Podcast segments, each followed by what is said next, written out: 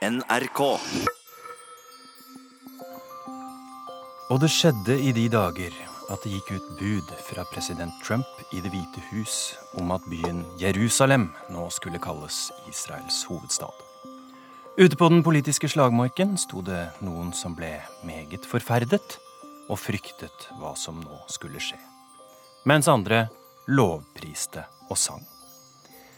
Det er en tid for å undre seg over alt som har skjedd, og grunne på det i våre hjerter når Krig og fred nå inviterer til julespesial. Krig og fred. En podkast fra NRK Urix. We are no closer to a lasting peace agreement between Israel and the Palestinians. It would be folly to assume that repeating the exact same formula would now produce a different or better result. Therefore, I have determined that it is time to officially recognize Jerusalem as the capital of Israel. Vi har vår egen sendemann nettopp tilbake fra både Betlehem og Jerusalem. Sigurd, hei. God dag. Hvordan var det å stå der oppe på Oljeberget? På direkten i Dagsrevyen da Donald Trump nok en gang reiv opp regelboka og anerkjente Jerusalem som Israels hovedstad.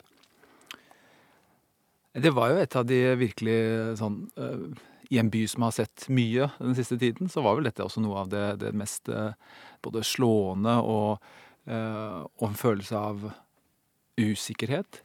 Så hadde jo alle ventet på akkurat hvordan han skulle ordlegge seg. At til syvende og sist så var kanskje ikke det så viktig. Det viktigste var at han holdt den talen. Og så var jo hele byen var veldig stille. Men det var jo ikke bare pga. talen, det var også for et forferdelig vær. Så jeg har frosset mye i Jerusalem tidligere, men jeg har aldri opplevd eh, Jeg syns i hvert fall det nesten var storm i kastene, og det plaskregna. Ikke akkurat julestemning? Nei, ikke akkurat julestemning, og jeg må jo ærlig innrømme at, at jeg tenkte jo litt på gudenes eh, vrede der jeg sto, eller kanskje gudenes glede, hvis man tar regnet som noe positivt. Men det var i hvert fall en sånn Ja, jeg har som sagt aldri opplevd noe, så, noe, så, noe så voldsomt, og i tillegg da med alle hellighetene rett i ryggen. Al-Aqsa-moskeen. Uh, Klippedomen.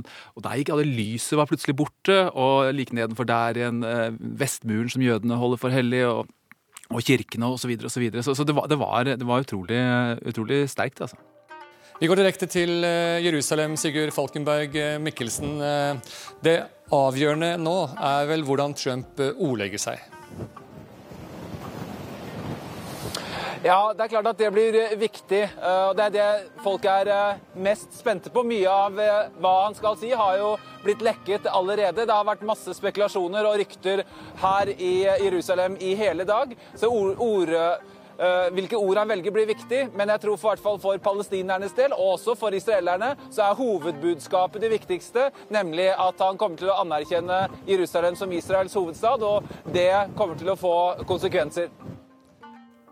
Samtidig, hvis jeg skal ta en liten journalistbit på det også, så er det også det å skulle høre prøve å høre hva Donald Trump sier fra Washington, som jo er en komplisert uh, affære. Uh, mens det blåste, altså stiv kuling, og jeg var livredd for at kameraet mitt skulle uh, ramle over. sånn at jeg, jeg, følte meg litt som en sånn orkanreporter som skulle snakke om alt annet enn orkaner.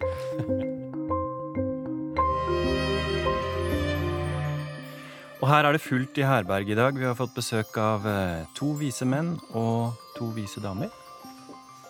Hei. Jeg heter Kristin Dalen. Jeg er statsviter og jobber på Fafo. Først og fremst med Kina-relaterte saker. Jeg heter Henrik Syse. Jeg er filosof. Arbeider dels ved Institutt for fredsforskning og har dels en toerstilling ved Bjørknes høgskole. Hei, jeg heter Sofie Høgstøl. Jeg er mest jurist, men også litt statsviter. Og jobber som stipendiat ved Norsk senter for menneskerettigheter. Jeg heter Knut Magnus Berge. Jeg er utenrikssjef i NRK. Henrik Syse, du er en filosof som liker å forske på det punktet hvor religion møter politikk. Og det punktet ligger vel på mange måter i Jerusalem i mange sammenhenger. Var dette så klokt? Da jeg kom hit i dag, så tenkte jeg hva om vi gjør det til en Trump-fri sending? At vi snakker om året som gikk, og så bare tar vi bort Donald Trump. Og så innser jeg at det er nesten helt umulig. Det er knapt det store temaet i internasjonal politikk vi nå kan snakke om, uten at han på en eller annen måte er involvert. Sigurd her vet jo veldig mye om Midtøsten, sett mye på nært hold, og vet jo at dette er politikk, kompleks politikk. Men det er kompleks politikk med røtter i tradisjoner, med røtter i tro, og med røtter ikke minst i religiøse oppfatninger som ikke bare spilles ut i det området, men som eh, vekker sterke følelser og oppfatninger i resten av verden. Så kunne man jo da håpe når Donald Trump gjør noe såpass radikalt som dette, som altså er å anerkjenne Israels eh, hovedstad som Jerusalem, at det var del av en nøye gjennomtenkt strategi. F.eks. at han ønsket ved dette å presse den israelske regjering til å gi opp eh, bosettinger. At han ønsket å la dette være del av et delt Jerusalem, hvor også en, en, del av Jerusalem kunne være et annet lands hovedstad. Men det er jo noe av det som kjennetegner Donald Trump, at det synes ikke å være del av en slik større, gjennomtenkt strategi. Det er et ønske om å kvittere ut, som det heter, valgløfter. De valgløftene er i seg selv ganske luftige ofte. Inkluderer en eller annen svær mur mot Mexico og litt av hvert. Og så gjør han det, og så tenker han at eh, de jeg ønsker jubel fra, de jubler nå. Og så er det ikke del av noe større enn det. Og det siste som er å si, er jo at det er jo åpenbart et ganske farlig skritt i en tid hvor det er mulig å påstå at faktisk fra palestinsk side det har vært holdt ganske mye igjen. Jeg kjenner en god del palestinere på Vestbredden. De sier til meg at har dere merket dere hvordan vi oppfører oss? Altså, vi ønsker faktisk nå å gjøre noe med hvordan vi har det internt. Vi ser at mange av våre problemer har med korrupsjon og samarbeidsproblemer internt å gjøre. Vi prøver å gripe fatt i det. Ikke gjør noe nå som provoserer de mest radikale kreftene. Og så skjer akkurat det gjennom dette. Så det er ikke noen god opptak til julen, det må jeg få si, også som eh, søndagsskolelærer, men i dette tilfellet særlig som filosof og interessert i, i politikk.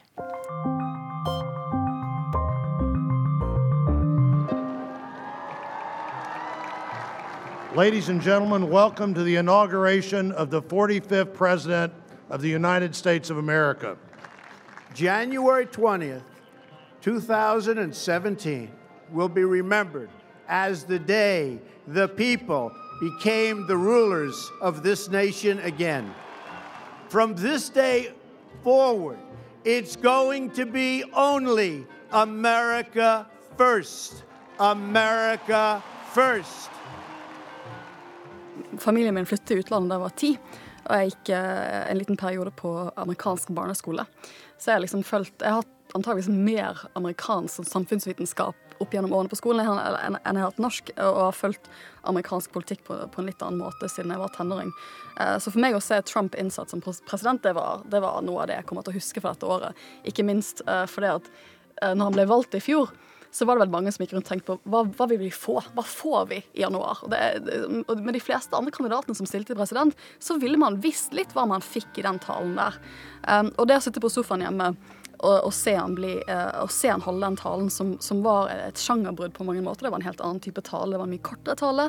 Det var en mye sintere tale, etter min mening. Uh, og det var en, en, litt krassere tale enn det man, man er vant til. og det å tenke at OK, nå vet vi ikke hva de neste tolv månedene kommer til å by på. Og så leste jeg kort stund etterpå at George W. Bush, alle, alle tidligere presidentene, er jo ved disse store, storslåtte seremoniene. Han satt, eh, når han, Etter han hadde hørt talen, så skal han ha snudd seg til de som satt rundt han og sagt at well, that was some weird shit. Og jeg føler at det, det oppsummerer liksom mye av utenrikspolitikk for meg i 2017. Well, that was some weird shit. Så det, det føler jeg det har liksom, det har blitt en sånn viktig sånn milepæl for meg i år. America first. Det har gått uh, nesten ett år siden Donald Trump ytret disse ordene.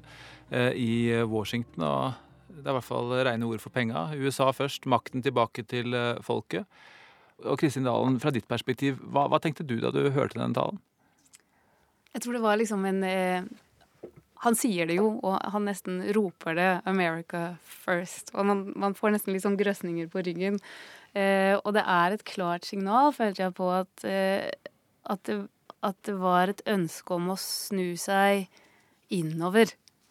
Eh, et ganske tydelig eh, brudd med hva USA ofte har vært kjent for, som noen som eh, vil ut i verden og bidra med universelle interesser, universelle verdier kanskje, har vært en pådriver for demokrati.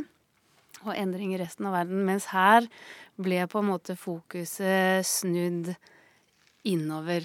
Eh, og det er jo mange som har sagt det tidligere, at det å være opptatt av et, sitt eget lands interesser er jo ikke unaturlig for enhver leder. Det er jo noe som, som, de aller fleste statsledere vil prioritere sitt eget lands interesser. Men det var noe som var så dypt og symbolsk med den fokusen som han valgte å ha på at her var det, var det Amerika og Amerikas interesser som skulle trumfe alle andres interesser, og kanskje til og med gå på bekostning av hvilke andre interesser som fantes i verden. Så det var nok det som eh, jeg satt igjen og, og tenkte mye på etterpå, og som jeg føler og tenker at vi ser ganske tydelig når vi ser på den internasjonale politikken i resten av verden, at det er nok eh, rom for å si at USA i større grad eh, trekker seg ut av en del eh, områder i, i, verden som det har vært sterkere på tidligere.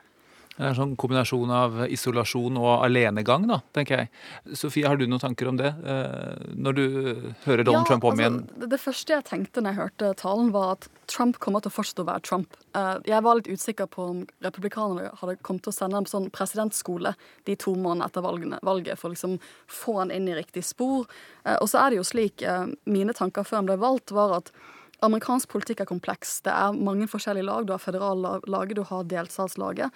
Eh, og du må kunne prosessene for å kunne styre. det. Da jeg bodde i DC, i Washington DC i 2011-2012, så var det jo mye snakk om at til og med Obama hadde vanskeligheter med å forstå den rollen og navigere presidentrollen da han ble president. Um, for første gang. Uh, og jeg tenkte at i og med at Donald Trump er den eneste som har blitt valgt til denne type stilling uten noe erfaring, så ville det bety at han ville trenge mye hjelp. Eh, av det republikanske partiet for å kunne være en styringsdyktig president. Eh, og at eh, på, den måten kunne republikanske partiet ta litt makten tilbake fra Trump og hans team. Og det var veldig klart for den talen at det hadde ikke skjedd. Han snakker jo mot hele det politiske altså eliten, som da sitter og hører på. Det er jo de som er invitert til denne talen. Så det var også veldig sterkt å se han sitte der og egentlig snakke eliten sånn som han ser på dem, midt imot. Men, men, men, men, det var jo dette sjangerbruddet. Det var ikke veldig sånn presidential, som man snakker om i USA. Og og for meg så, så, så, ble det sånn Det pekte mot det som kom bare noen uker senere, og det var innreiseforbudet. Dette innreiseforbudet som er utenrikspolitikk, kan vi jo si. Eh, hvor eh, Donald Trump forsøkte å gjøre det slik at visse land, eller statsborgere for visse land ikke kunne få innreise til USA, selv om de hadde f.eks. For forskjellige typer visum fra før. Og det, det er sånn, vi, Da er vi tilbake til prosesspørsmålet. For det, en president i USA kan jo ikke lage lover, det er det Kongressen som gjør. Men en president kan komme med disse presidentordrene, som da skal liksom må holde seg innenfor loven, men kan binde embetsverket. Og det var veldig klart for meg da jeg våknet den helgen etter president, denne presidentordren hadde kommet, og leste den for første gang, at dette var ikke skrevet av jurister. Det hadde ikke vært gjennom den lange prosessen sånne innreise, sånne uh, presidentordre vanligvis skal gjennom i, uh, i embetsverket um, i USA for å sjekke at det er lovlig. Og det, jo, det falt jo domstolene inn få dager og skapte total kaos. Så, så, tenker jeg altså at Det innreiseforbudet og, og, alt det som fulgte, det kan jo på en måte tolkes som eh, liksom litt sånn amatørmessig dårlig håndverk. Men når vi ser på året som har gått, så det også, ser man jo også en, en, viss strategi bak det. Nemlig denne destabiliseringsstrategien. Det suger oppmerksomhet, og det skaper kaos hele tiden. Eh, og det er jo et sånn fruktbart terreng å jobbe i, da, for, i hvert fall hvis du er et menneske som søker konflikt, sånn som veldig mange innenfor Trump-leiren virker å være. Jeg vet ikke, Syns har du gjort noen tanker om, eh, om den, den biten?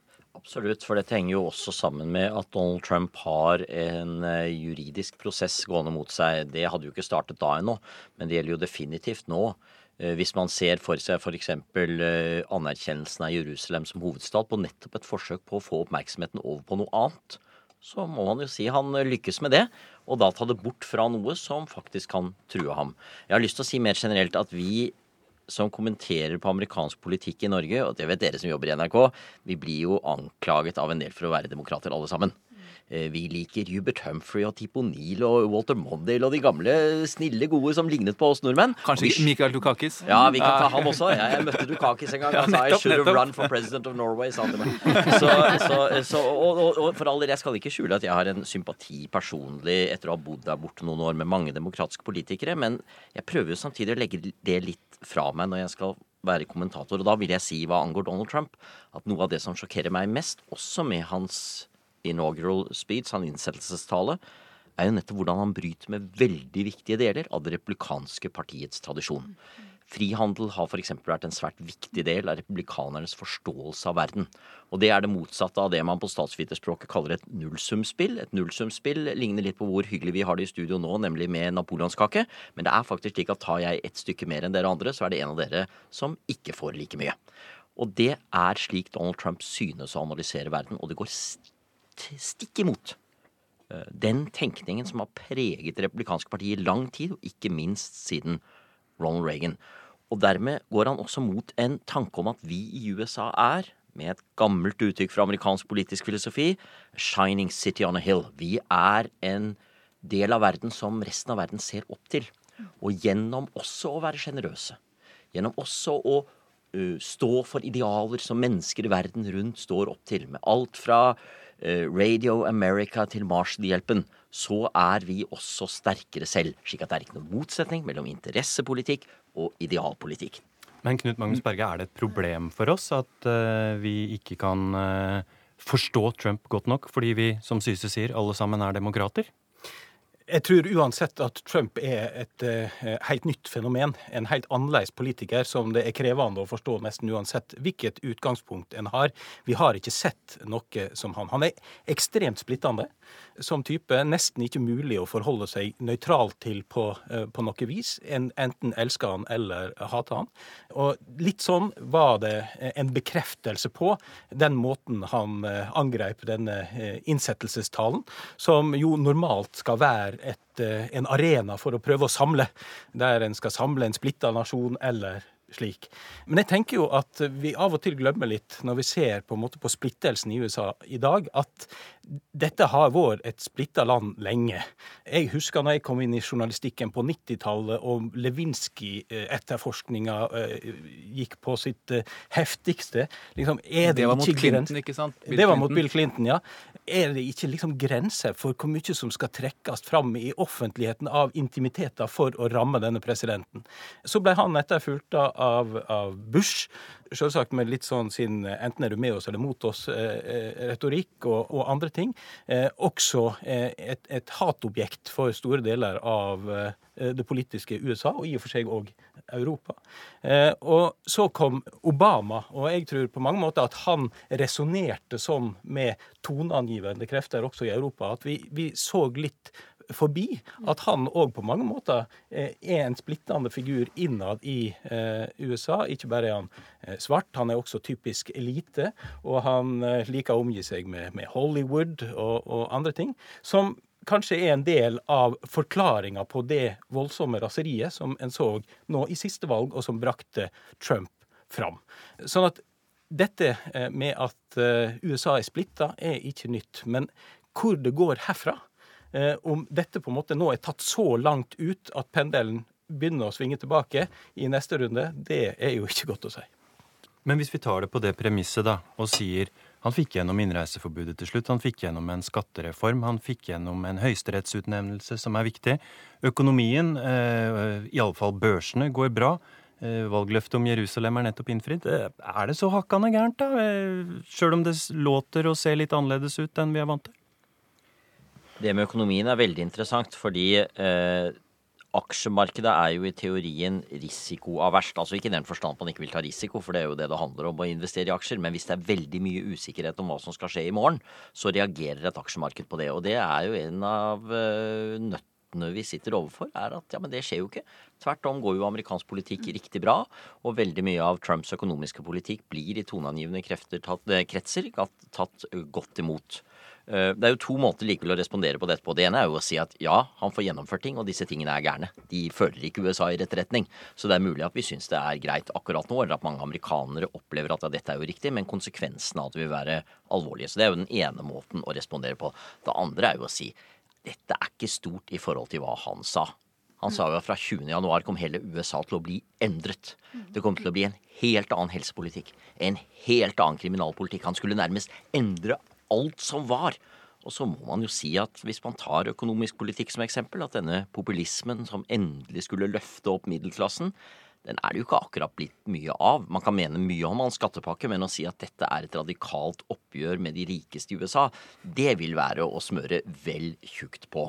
Eh, nå klarte han altså å få gjennom en skattereform. Eh, ser ut til at den skal komme helt i havn nå i førjulsdagene.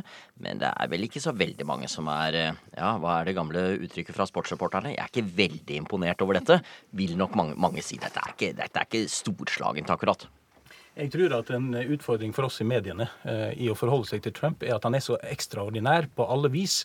Eh, og det er så mye støy rundt personligheten og hans metoder, og dette med at han tweeter og sender ut ting som Det er så eh, ekstraordinært og uvanlig opp mot alt vi har sett før, at det i seg sjøl tar veldig mye oppmerksomhet.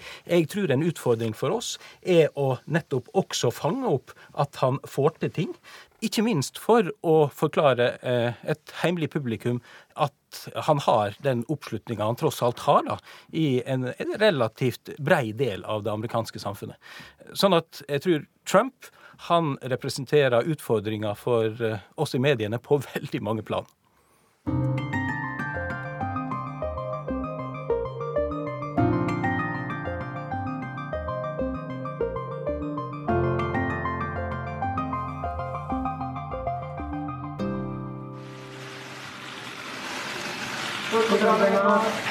What are they? Please, look at me. Ah. it is my great honor to be with the newly, newly elected president of France who ran an incredible campaign and had a tremendous victory. Thank you very much. C'est très heureux pour ma part aussi d'être Det vi hører her, er altså eh, et av Donald Trumps mange møter med internasjonale statsledere og eh, tilhørende eh, pressekorps og fotografer som tar mange bilder. For Trump tar, suger mye oppmerksomhet, men et av de absolutt mest slående tingene er jo måten han håndhilser på her. Vi hørte først måten han håndhilste på Shinzo Abe, som vel varte i rekordlange 15 sekunder. Og sluttet med at Shinzo Abe nærmest vendte seg bort og himlet med øynene og, og, og lo.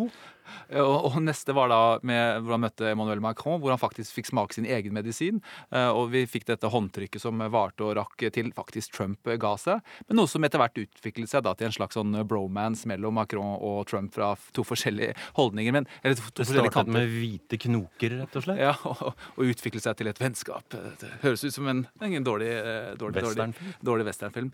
Men, men hva, hva, tenker dere om disse, disse håndtrykkene? Hva, hva sier det om måten USA gjennom Trump forholder seg til verden på? Man må tilpasse seg det. På sett og vis er jo Macron et eksempel på det. Jens Stoltenberg er jo et annet eksempel på det. Generalsekretæren i Nato som innser jeg må kunne snakke med den amerikanske presidenten. Og vi skjønner alle sammen, vi antar i hvert fall, at både Stoltenberg og Macron og flere andre tenker inni seg åh, av meg, hva er dette for noe? Det vi kan si er trist oppi dette, er nettopp det som ble antydet om at han tiltrekker seg så enormt mye oppmerksomhet. Så man bruker så mye av tiden på å forholde seg til Trump, finne ut av Trump, gjøre ham glad, mm. få møtet til å fungere på et eller annet vis. Når vi i vår verden i dag står overfor enorme problemer som trenger å løses, og som hadde nytt veldig godt av et samarbeid. Tenk på krisene i Jemen, mm. Syria, etter ISIS i Irak, Sør-Sudan. Vi står jo potensielt overfor store strømmer av flyktninger som kan bli enda større enn det vi allerede har hatt, og enorme gjenoppbyggingskostnader. Og så er på en måte verdens oppmerksomhet fokusert rundt hvordan man skal gre Trump medhårs. Og det tror jeg nok er noe av det, hvis vi nå skal legge godviljen til, Emmanuel Macron tenker jeg må få til et eller annet samarbeid, slik at vi da på litt lavere nivå med de andre ministrene og byråkratiene kan få gjennomført noe og ikke oppleve at vi blir boikottet eller frosset ut av eh, USA.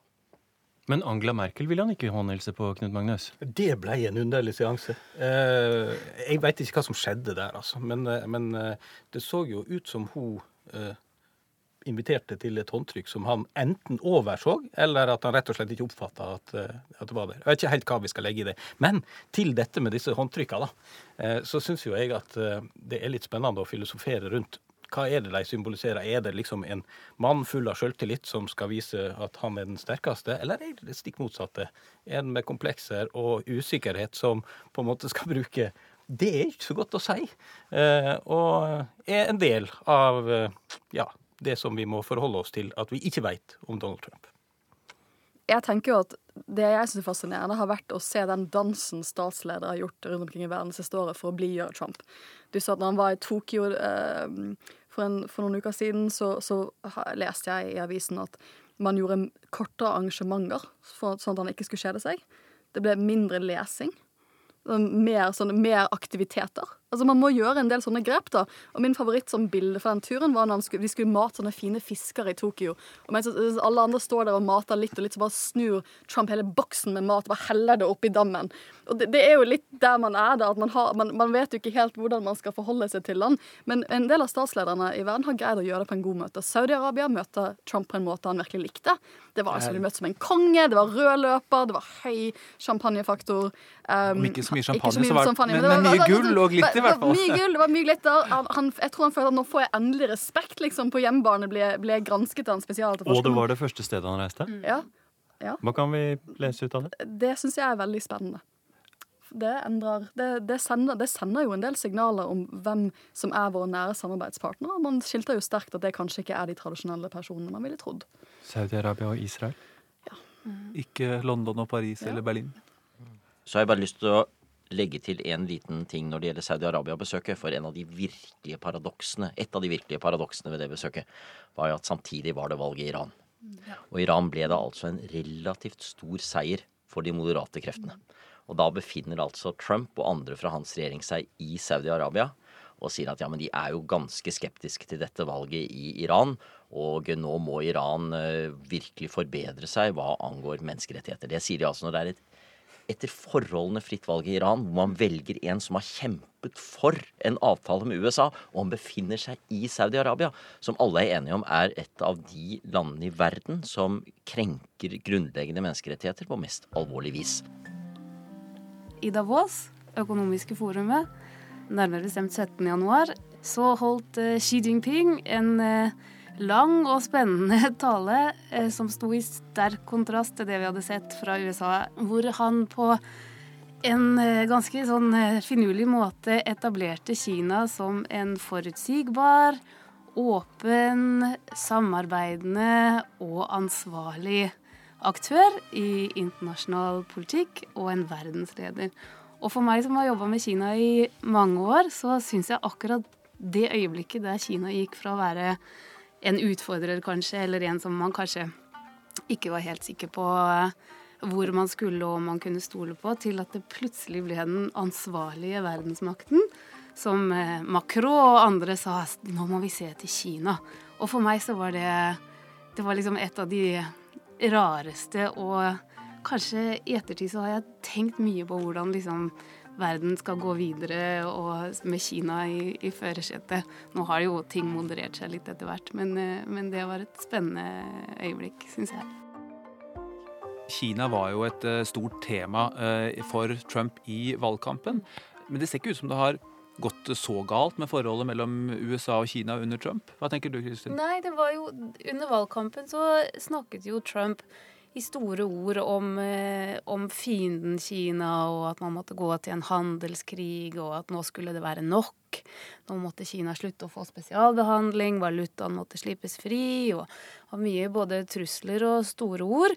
Han begynte jo eh, presidentperioden sin også med å ta en telefon til eh, presidenten på Taiwan, som jo også var et, et litt sånn et øyeblikk der vi ikke helt visste hva, hva vi skulle tro om, om, dette her. Og så roet jo den situasjonen seg ned. Og jeg tenker det er ganske imponerende å se på hvordan eh, Kina har sittet ganske så stille i møte med trusler og Twitter-meldinger fra Trump om Kina. Og når vi ser på resultatet i dag, så er det jo ikke noe handelskrig mellom Kina og, og USA. Og det er vel ingenting som tilsier at det skal skje med det første heller. Eh, derimot så har eh, eh, Xi Jinping vært på besøk i Mar-a-Lago hos president Trump og, og spilt golf og hatt det hyggelig. Og, og, når Trump var på sin store Asiatur, så ble han jo tatt imot med brask og bram i Beijing av Xi Jinping og hans kone, og de fikk middag i Den forbudte by, og det har vært ingen statsleder siden 50-tallet som har fått den samme type oppfatning i Kina. Så kineserne eh, spiller kortene sine etter beste evne og prøver å svare nettopp eh, på Trumps behov for å bli sett og hørt og, eh, og gjort stas på. Så eh, jeg tror nok eh, det er ingen grunn til å tro at det er et varmt og nært forhold mellom Xi Jinping og Trump, selv om Trump snakker om at han har ringt sin venn Xi Jinping. Men kineserne spiller kløktig i forhold til å, å, å ta det rolig og sitte stille i båten og vente på når, de, når det ordentlig når, når Twitter-meldingene slutter, og når den realpolitiske virkeligheten slår inn. Hva med Europa oppi alt dette, Knut Magnus? Er vi rett og slett ikke så viktige lenger? Nei, det er, jo, eh, det er, jo, en utvikling som har gått over tid. At tyngdepunktet i verden eh, er i ferd med å eh, flytte seg. Jeg syns jo i og for seg det er interessant dette med at når USA da trekker seg mer inn i seg sjøl, så kommer andre fram på banen. Og eh, det var jo nesten litt ironisk at Kina skulle framstå som frihandelens store forsvarer på eh, eh Davos-konferansen, den der økonomiske forumet. Så det er mange paradoksale ting som er kommet ut av dette. Nei, Europa det kommer jo litt an på hva som er utviklinga eh, videre nå. Der er jo eh, ting ved Europa som jeg tror vil interessere eh, Trump, men at tyngdepunktet flytter seg østover i den oppmerksomheten fra USA, det tror jeg er utvilsomt. Men før vi avslutter den lille verdensrunden, vanskelig å dra en runde om USAs forhold til resten av verden uten å ha vært innom Russland i det hele tatt, kanskje? Ja, dette er jo òg eh, paradoksalt i den forstand at den, det lå jo an til i valgkampen, iallfall tilsynelatende, at det skulle bedre seg, da, forholdet mellom Russland og USA. I alle fall mellom eh, eh Russlands president og USAs president. Det har jo ikke helt slått til. Og så kommer jo da i tillegg det som vi vel mer eller mindre kan si er et faktum, nemlig at det har vært revet infiltrering i den amerikanske valgkampen gjennom hacking og det som eh, vi kaller fake news, i hvert fall før Trump shanghaiet uttrykket og gjorde det til et uttrykk for alt han ikke likte, som har hatt sitt utspring bl.a. i Russland. Vi vet ikke hvor langt opp det strekker seg, men eh, vi vet jo at dette har hatt en innflytelse på amerikansk valgkamp. Og jeg tenker nesten at man fra disse kretsene dette er kommet fra, har tenkt ja, nå destabiliserer vi USA, nå skaper vi en del kaos som vil være til vår fordel, men han vinner jo ikke. Og så mm. satt de der dagen etter valget og tenkte ops, han vant. Hva gjør vi nå? For dette blir ikke lett.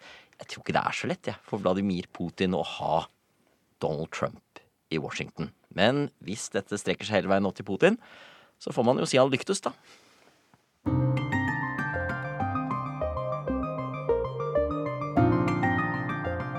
Krig og fred. En podkast fra NRK Urix. This is it, boys! We need it on the front line. We need to break through together. Yeah. Come on.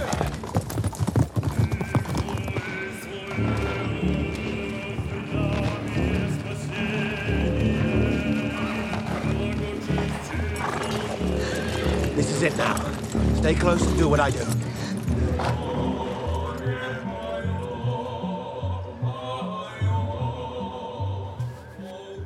Det er på tide å unne oss litt eh, historisk pomp og prakt. Dette er fra BBC-serien Krig og fred fra i fjor. Et gedigent kostymedrama basert på Leo Tolstoys eh, tjukke roman fra 1800-tallet. Som altså handler om en eh, kaotisk og omskiftelig tid for ganske nøyaktig 200 år siden, der en viss Napoleon blir en slags hovedperson for alt som skjer i verden. Krig og fred, Sigurd, det var ditt eh, smått pompøse forslag på podkasten vår. Hvorfor heter vi det egentlig?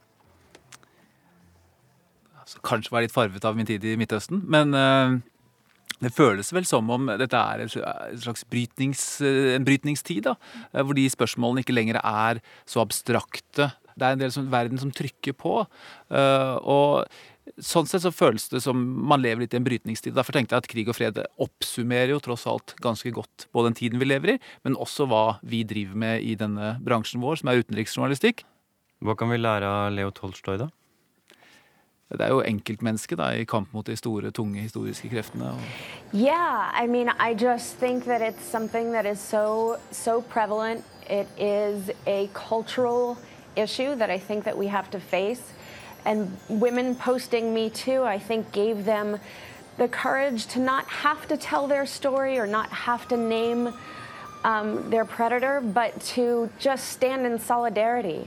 And I think that the numbers are, are a testament to how powerful uh, women can be when we do stand together and, and we are one.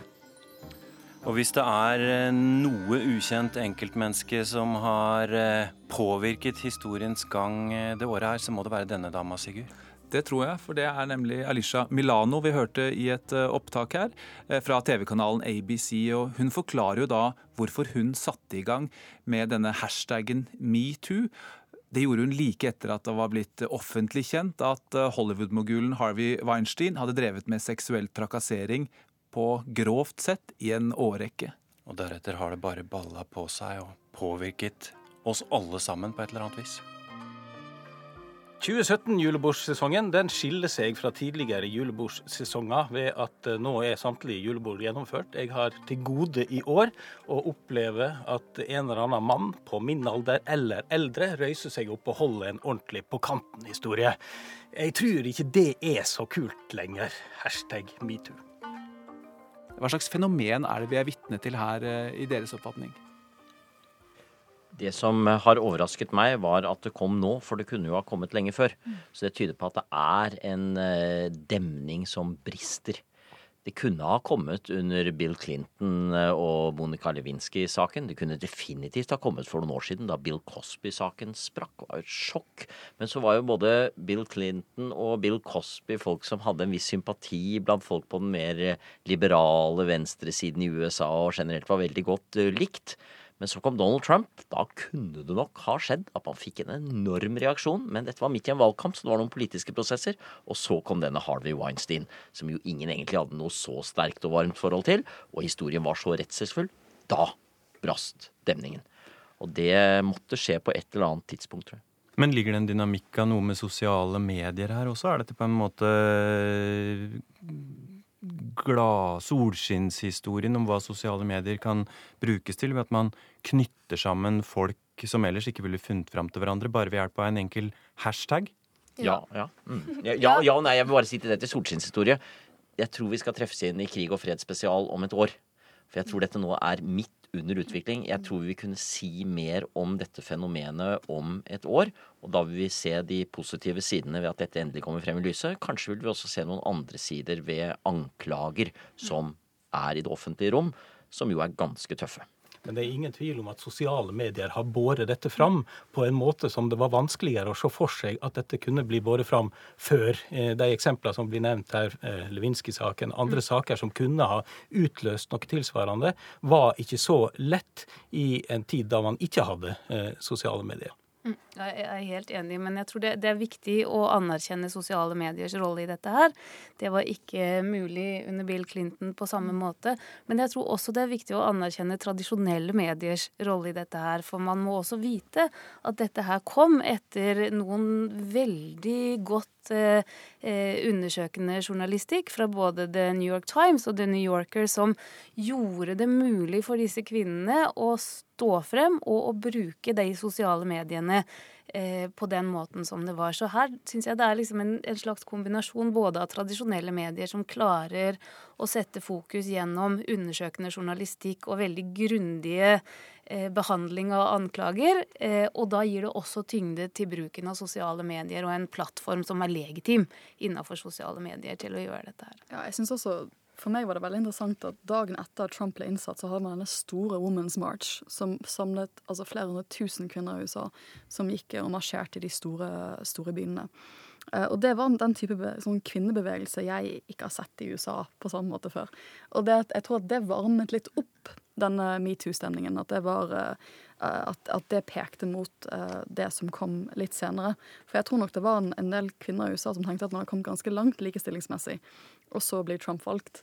Og så kanskje den erkjennelsen etter, særlig etter at disse anklagene mot Trump kom ganske sent i, i valgkampen. Da trodde man at nå er det ferdig, liksom. Når man har blitt anklaget for en del av mm. tingene. Og denne Hollywood, uh, Access Hollywood-tapen kom. Nå er, ferdig, nå, er man, liksom, nå er, man, ferdig politisk. Uh, og så får man Og så tror jeg det mobiliserte kvinner på en, en, annen måte enn jeg har sett i USA. Og så ser man jo måten en sånn det som skjer innenfor et land, kan spre internasjonalt veldig fort. Altså mm. i løpet av få dager via sosiale medier, som er veldig spennende. Um, ja, for dette har gått utrolig fort. Jeg mm. sjekka opp, og det var altså faktisk 15. oktober at hashtaggen metoo ble mm. brukt for første gang. Det er to måneder seinere nå. Og det føles utrolig lenge siden. ja, men det er jo interessant når vi snakker om hvordan det spres internasjonalt. Fordi man har sett det har spredd seg fra USA til Europa. Det finnes eh, i eh, Sør-Amerika.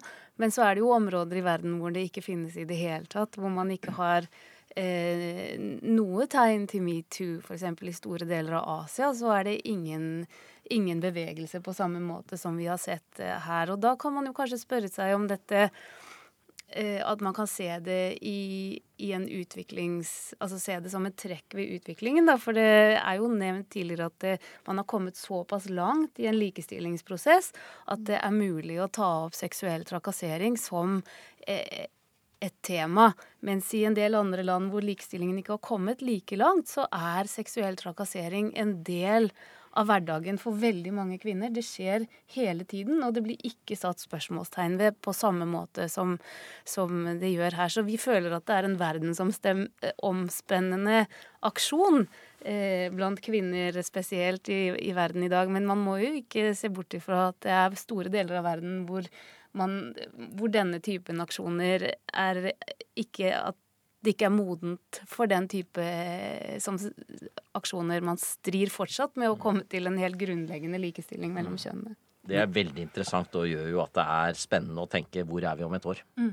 For de sosiale mediene er globale, ja. så dette kan medføre rystelser også steder hvor vi kanskje ikke ville forvente det.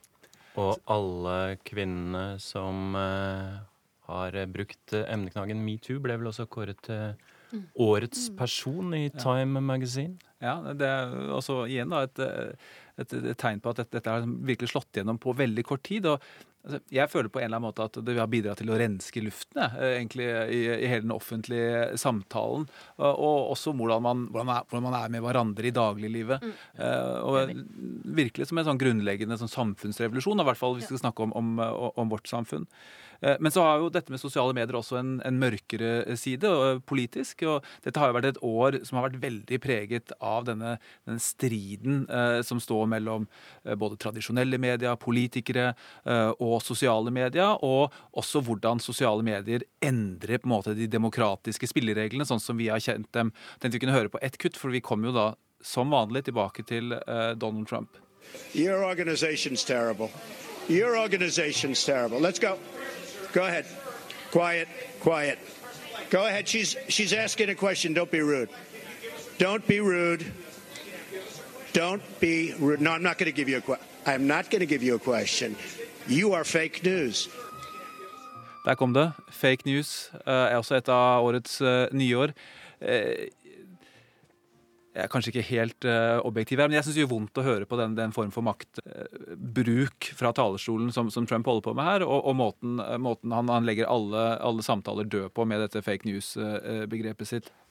Det som er spesielt med fake news eller falske nyheter-begrepet, er jo at det har jo endret sin mening, og nok en gang er Donald Trump mye av bakgrunnen for det.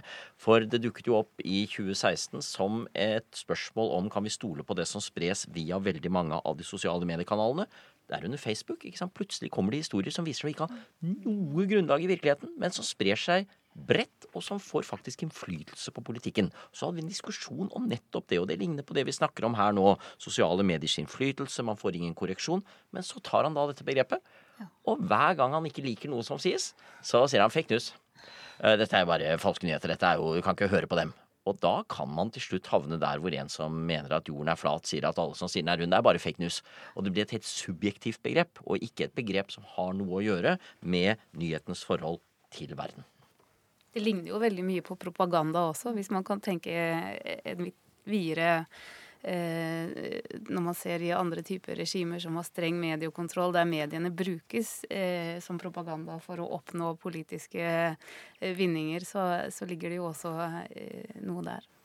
Definisjonen på falske nyheter, fake news, skal jo være noe i retning av at det er nyheter som er planta med en politisk hensikt. Altså det er falske nyheter. Man vet at de er falske. Avsender vet det. Men får de ut i eh, offentligheten for å oppnå et politisk eh, formål. Eh, og Sånn sett så er det et godt begrep i utgangspunktet for å definere et trekk ved vår tid som er veldig betenkelig det dere er inne på, er jo at dette har mista sin mening når det er blitt et felles begrep for ting man ikke liker. Eh, vinkler man ikke liker, eller andre ting man har behov for å stemple som, som noe som en ikke skal høre på. Og du var jo faktisk på korrespondentmiddag i Washington, du, der alle som dekker Det hvite hus eh, var invitert? Og ja. deg.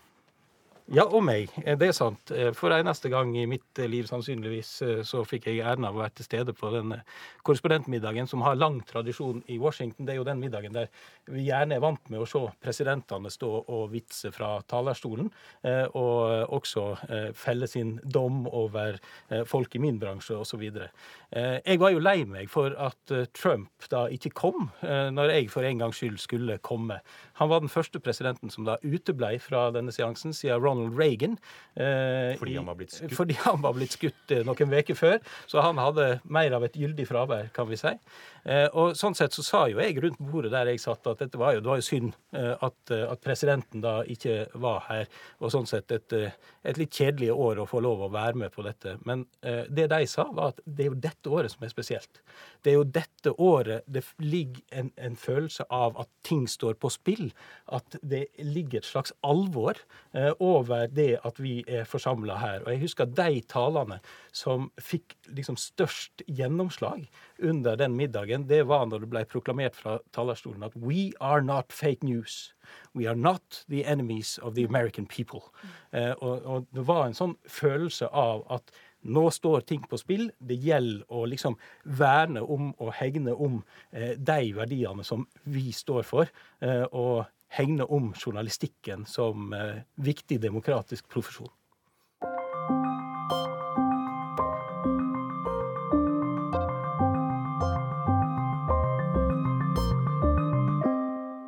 No nation on earth has an interest in seeing this band of criminals arm itself with nuclear weapons and missiles.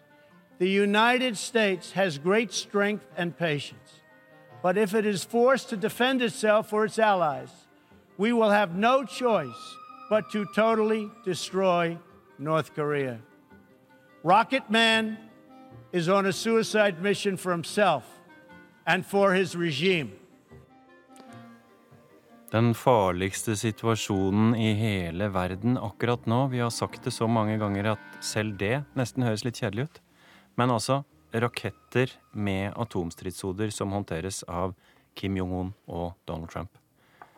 Er det Kina som skal løse opp i denne floka for oss, eh, Kristin Dalen?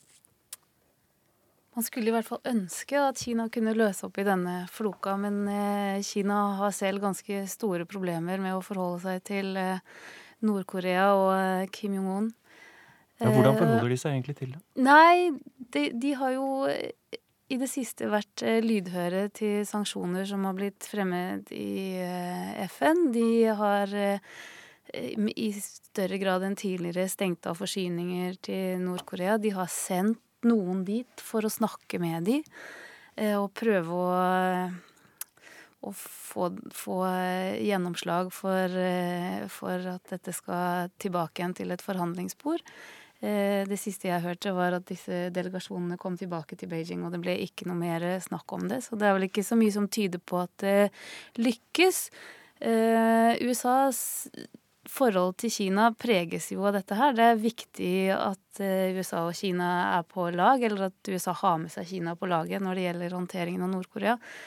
Um, men samtidig så har Kina store betenkeligheter med en eventuell krig mot Nord-Korea. Det er nesten helt uaktuelt å tenke seg det for Kina, fordi det betyr nemlig utstrakt kaos og, eh, og forferdelig uforutsigbarhet for Kina. Og de av oss som kjenner Kina, vet at kaos og uforutsigbarhet er kanskje det verste de kinesiske myndighetene vet. Og man kan se for seg store flyktningstrømmer, man kan se for seg muligheten for angrep fra Nord-Korea på Kina.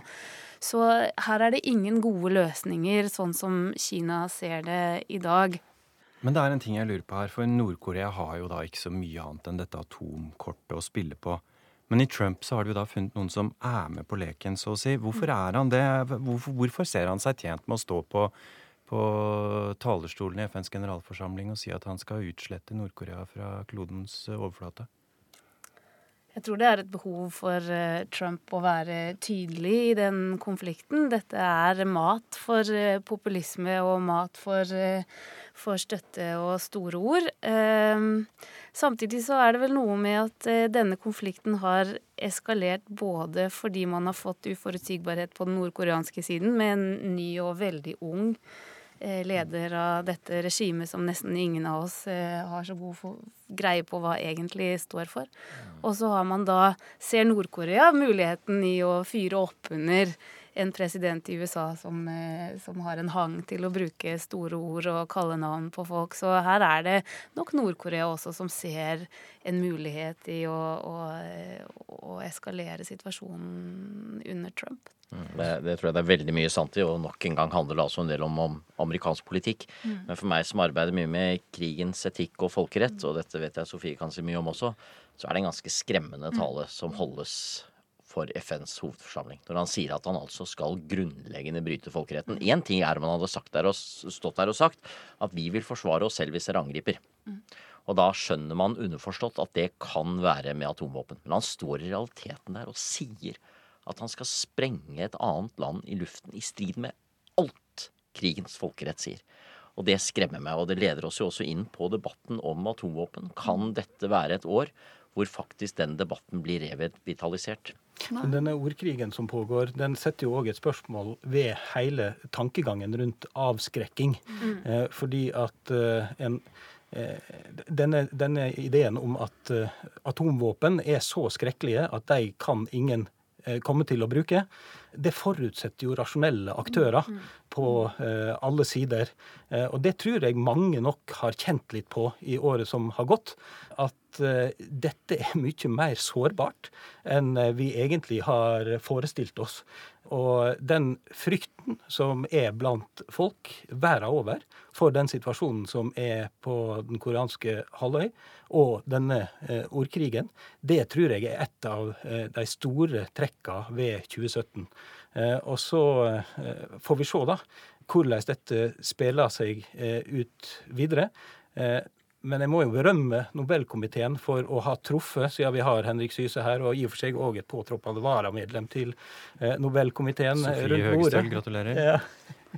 Eh, at eh, en kan mene hva en vil om den forbudstraktaten, men eh, det eh, komiteen traff med, var å ta opp en problematikk som veldig mange går og tenker på dette året, og det er nytt. Det har ikke vært så stor bevissthet rundt eh, atomvåpen de senere tiåra. Nei, jeg, jeg tror forbudstraktaten det setter nye ting i spill.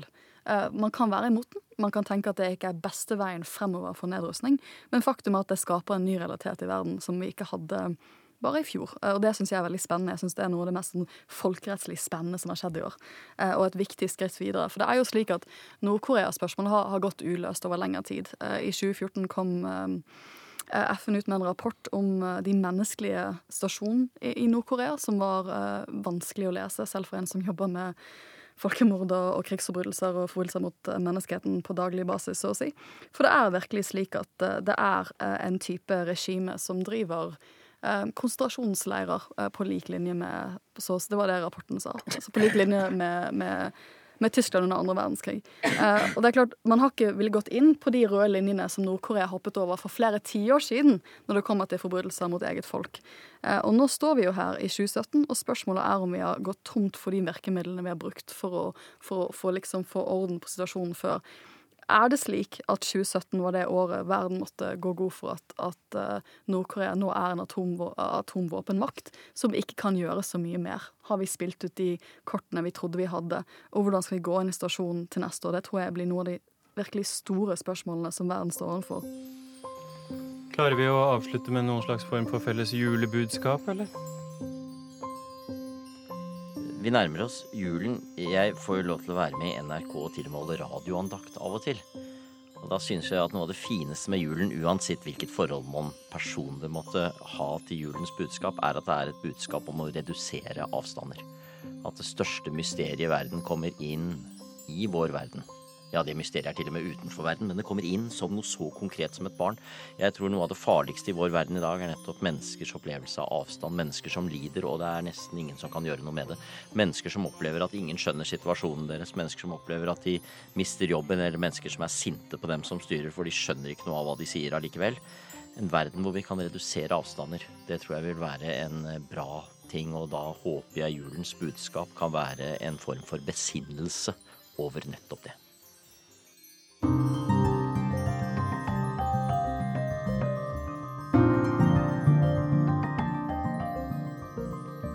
Krig og fred, en podkast fra NRK Urix. Jeg heter Tore Moland. Og jeg heter Sigurd Falkenberg Mikkelsen. Nå tar vi juleferie. Men er tilbake på nyåret.